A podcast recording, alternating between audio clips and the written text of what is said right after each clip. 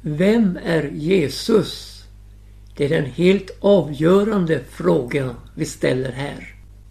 Och hur skall vi nu veta det här, vem Jesus är?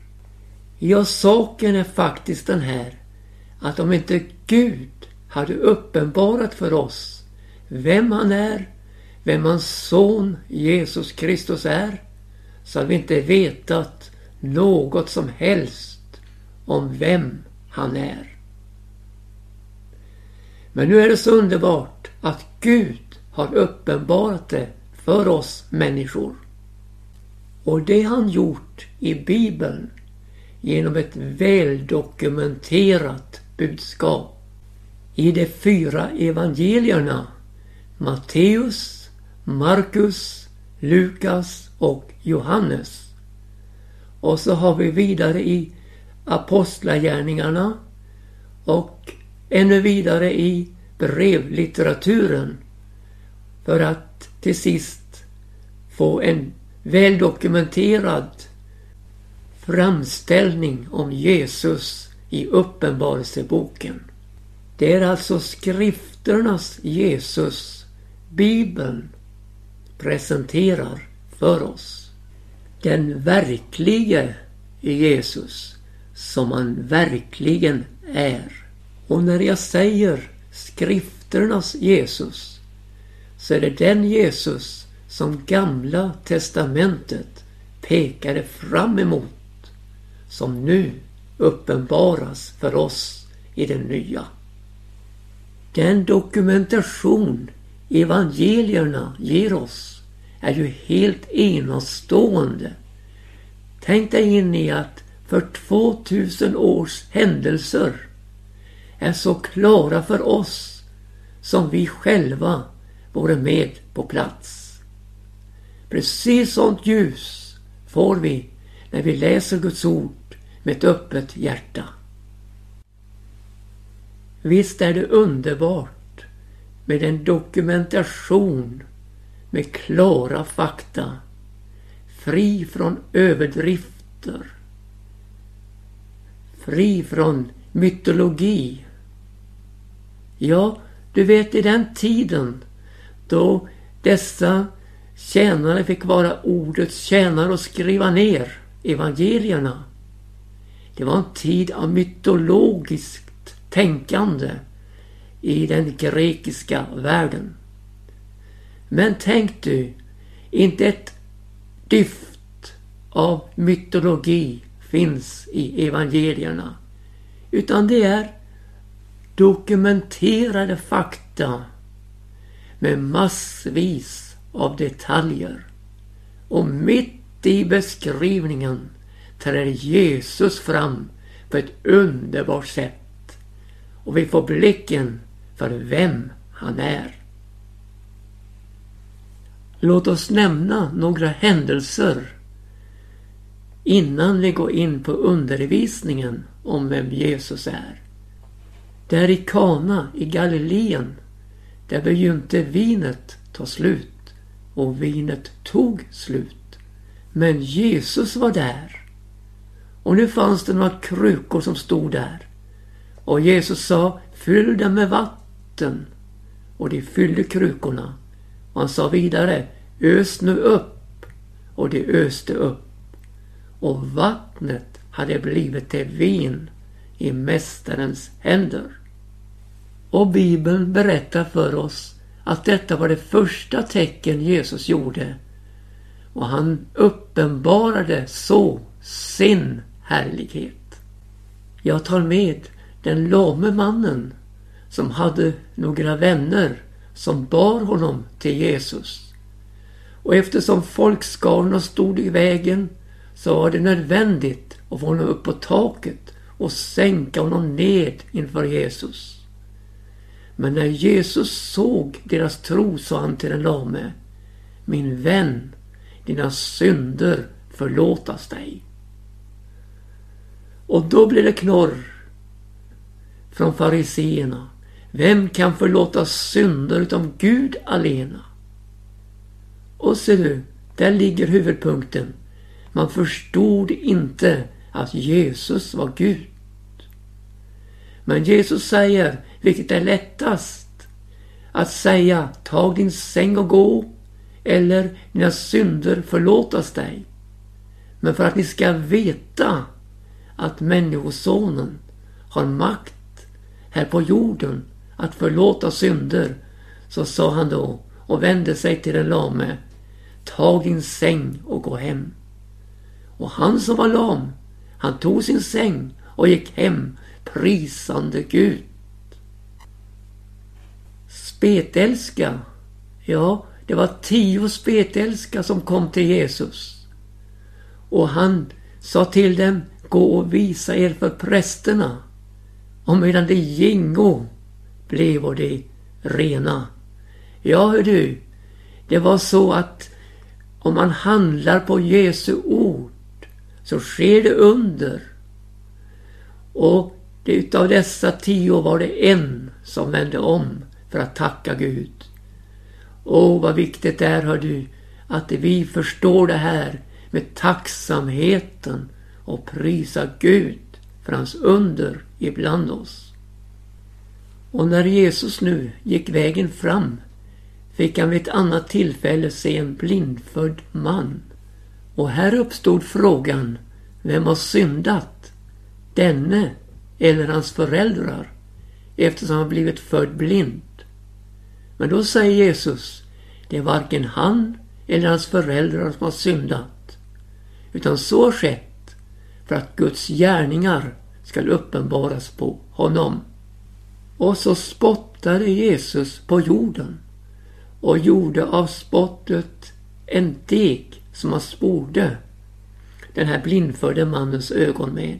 Och så säger han Gå och tvätta dig i Siloam. Och mannen, han handlade på Jesu ord, gick och tvättade sig sina ögon där i Siloam-dammen. Och när han kom tillbaka, ja, då kunde han se. Vi har kvinnan där vid Sykars brunn som kom till brunnen mitt på dagen när inga andra var där. Jo, min vän, det var en som var där. Jesus. Och han satt där vid brunnen trött av vandringen. Men han talade till kvinnan och det hela blev så att hon fick uppleva levande vatten. Ja, hon satte en hel stad i rörelse efter mötet med Jesus. Vi har också äktenskapsbryterskan som på bar gärning hade blivit tagen i synd och som fariseer och skriftlärde kom dragandes med till Jesus och säger Vad säger nu du om den här situationen? Lagen säger ju att hon ska dödas, men vad säger du? Ja, Jesus, halleluja. Han böjer sig ner, skriver i sanden och när han reser sig upp så säger han den som är utan synd tar förste stenen. Och så vänder han sig ner igen och skriver. Och medan han skriver försvinner dessa som har anklagat kvinnan. Och kvinnan står ensam kvar vid Jesus. Jesus säger, har ingen dömt dig? Nej, mästare, ingen. Då säger han de underbara orden. Inte heller jag fördömer dig. Gå i frid och synda icke mer. Eller kvinnan som i tolv år hade lidit av blodgång och som kom och rörde vid hörntofsen av Jesu mantel. Och Jesus märkte strax att kraft gick ut ifrån honom och frågade vem var det som rörde vid mig? Och lärjungarna säger, jo du ser ju, hela folkhopen tränger sig på och ändå frågar du, vem rörde vid mig? Men kvinnan som såg att hon inte blivit obemärkt trädde fram inför Jesus och får de underbara orden av Jesus. Gå i frid, din tro har hjälpt dig. Ja, låt oss också ta med Lazarus som när Jesus inte var hemma utan eh, var ute och verkade så dog Lazarus. Och systrarna där de säger som så att hade du varit här så hade min bror icke varit död. Men Jesus säger, sa jag dig icke att om du trodde skulle du få se Guds härlighet. Var har ni lagt honom? Jo, det är här och eh, ta bort stenen, sa Jesus. Ja, han luktar redan. Men de tog bort stenen och Jesus, halleluja, ropar ut Lazarus kom ut. Och han som hade varit död kommer ut med fötter och huvud inlindat i bindlar. Och halleluja, livslevande på grund av Jesus. Och så har vi ännu ett behjärtansvärt fall där Jesus kommer till Nain och får se en kvinna gå där i sorgetåg med sin enda son utbärande stöd till begravning. Jesus stannar likt tåget och tänkte undret sker. Den unge mannen han står upp livslevande därför att Jesus var där. Ja, allt detta och mycket mer som vi kunde berättat om är ju unika händelser som inte skett tidigare utan som sker här när Jesus drar vägen fram. Det talar om det unika med Jesus. Så väl dokumenterat med massvis av detaljer. Och du och jag får vara med och se och höra och uppleva dessa händelser och ta dem till oss och förstå att Jesus Kristus är densamme igår, ja visst, men också idag och förblir det till evig tid.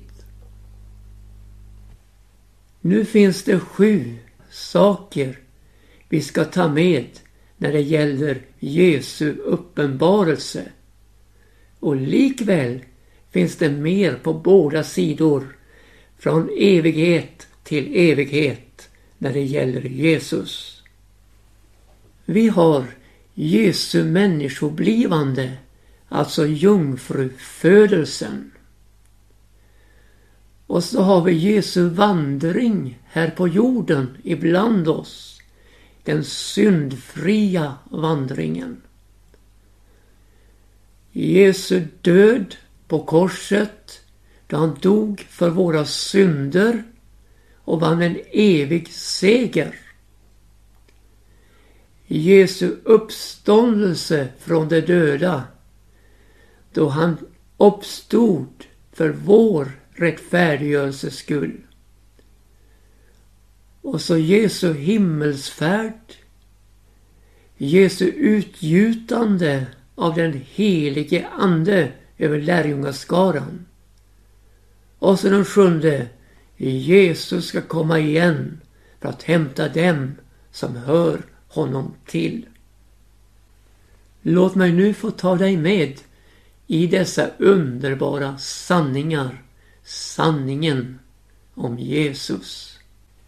Jesus kom inte till oss som en färdig man, fullvuxen, för att någon vecka innan Golgata komma till oss. Utan Jesus, han måste gå vår väg. Den väg som du och jag skulle gått, men missade på grund av synden. Den vägen, alltså i lydnad för Gud, gick Jesus fullt ut här på jorden. Vi har de helt underbara orden från Filipperbrevet 2 och femte versen. Var en så till sinnes som Kristus Jesus var. Han som var till i Guds skepnad men inte räknade jämlikheten med Gud såsom ett byte utan utblottade sig själv i det han antog tjänareskepnad när han kom i människogestalt. Så befanns han i utvärtes motto bara såsom en människa och ödmjukade sig och blev lydig intill döden, ja inte döden på korset. Ja, det var denna lydnadsväg helt in i döden, döden på korset, som Jesus måste vandra för oss. Och för att det här skulle bli möjligt så måste det beredas en kropp för Jesus. En syndfri kropp. Och därmed jungfrufödelsen. Hur Maria får höra helig ande ska komma över dig och kraft ifrån Gud skall överskygga dig. Därför skall det heliga som var det fört kallas Guds son. Och från Hebreerbrevet 10 och 5 läser vi. Därför säger han vid sitt inträde i världen. Slaktoffer och spisoffer begär du icke, men en kropp beredde du åt mig. I brännoffer och syndoffer fann du icke behag. Då sa jag, se jag kommer. I bokrullen är skrivet om mig för att göra din vilja, och Gud. Det är så oerhört fascinerande det här med jungfrufödelsen. Kristus kommen i köttet. Jesaja han fick profetera så klart och tydligt om just detta. I det sjunde kapitlet, ja där heter det Den unga kvinnan ska bli havande och föda en son och honom ska du ge namnet Emanuel, Gud med oss. Och i det nionde kapitlet, ja det heter det vidare, en barn var oss fött en son bliver oss given. På hans skuldror skall herradömet vila. Hans namn ska vara underbar i råd, väldig Gud, evig fader, fridsförste. Och när vi nu lever i den yttersta tiden så förstår vi hur oerhört viktigt det är med denna sanning. Inte minst när vi läser Johannes, första Johannes brev, fjärde kapitel. Och vi kan läsa där från första versen. Mina älskade, tron icke var och en ande, utan pröven andarna huruvida är av Gud. Till många falska profeter har gått ut i världen. Därpå ska ni känna igen Guds ande. Var och en ande som bekänner att Jesus är Kristus, kommen i köttet. Han är av Gud. Men var och en ande som icke så bekänner Jesus, han är icke av Gud. Den anden är antikrists ande, om vilken jag hört att den skulle komma och som redan nu är i världen. Så låt oss aldrig förakta denna sanning. Kristus kommen i köttet. Och undgå då att bli ett offer för makternas spel i den yttersta tiden. Så har vi då tidigare här i programmet berört Jesu vandring här på jorden ibland oss. När han gick omkring, gjorde väl och hjälpte alla. Hur underbart var det inte att möta honom och få sin sak klar med Gud. Hur underbart var det inte att få möta honom och få uppleva hur han fyllde behoven med sin härlighet. Varje steg Jesus tog var ett steg för Gud i lydnad. Men det var också ett steg för oss, för vår frälsning. Syndfri vandrade han vår väg. Han var frestad i allt, liksom vi, dock utan synd. så går hans dyrbara fotsteg mot Golgata, mot offerplatsen, huvudskalleplatsen. Och där, där bär han våra synder i sin kropp upp på korset och dör för oss. Här har vi mittpunkten. Här har vi det centrala i Jesu verksamhet. Han kom för att offra sig själv för våra synder. Och när han ropar ut det är fullbordat så anbefaller han sin ande i fars händer och där dör han för oss. Inte en martyrdöd för idéer. Inte en död för höga ideal. Men du, en offerdöd. Ett offer en gång för alla. Och här sker det som aldrig hänt förut. Förlåten i templet rämnar i två stycken uppifrån och ända ner. Och vägen var öppnad. Vägen in i det allra heligaste. Vägen till Gud. Genom Jesus Kristus. Genom hans kött. Och så flyter en underbar reningsström ut från hans sår. Det är Jesu Guds sons blod som renar från all synd. Vi kunde inte friköpa någon människa genom att gå i döden för någon. Men halleluja, Jesus friköpte en hel mänsklighet när han offrade sig själv för oss. Han gav Gud lösepenningen för vår själ. Vad är det? Jo, det är hans dyrbara blod som renar från synden. Så vi blir inte friköpta genom silver eller guld eller någon världslig valuta.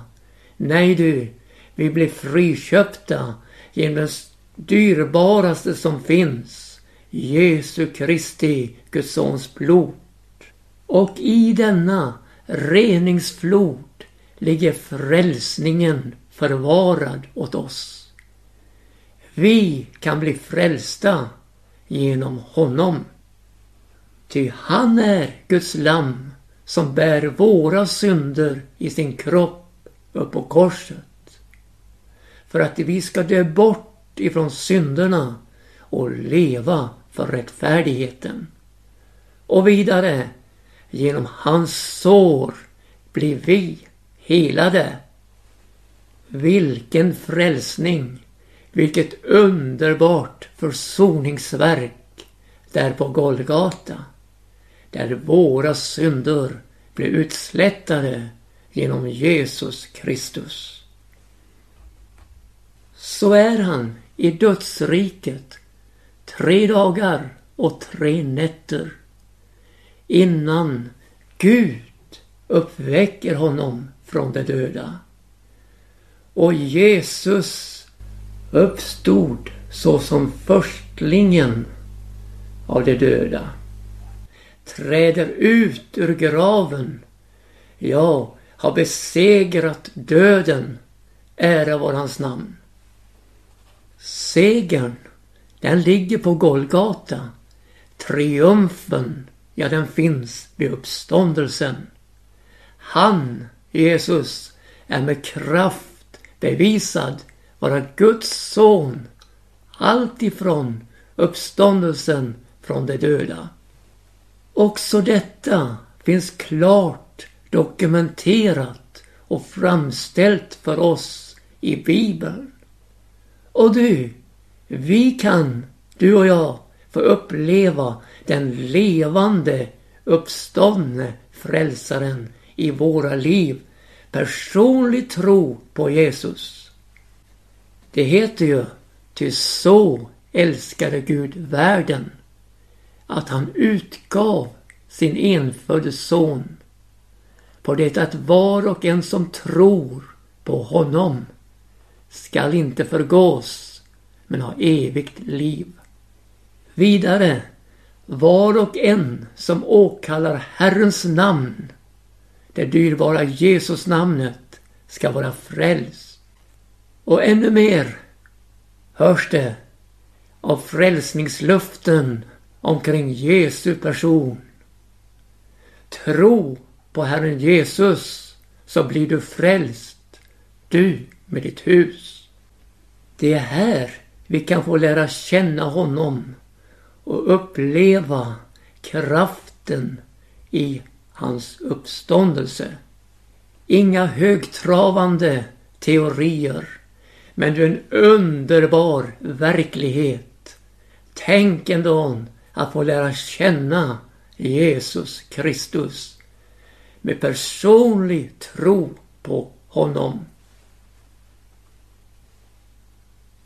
Så kommer Jesu himmelsfärd då han blev upptagen från oss till himmelen, far triumferande genom alla himlar för att sätta sig på Gud faders högra sida i höjden och där gå i förbön för oss.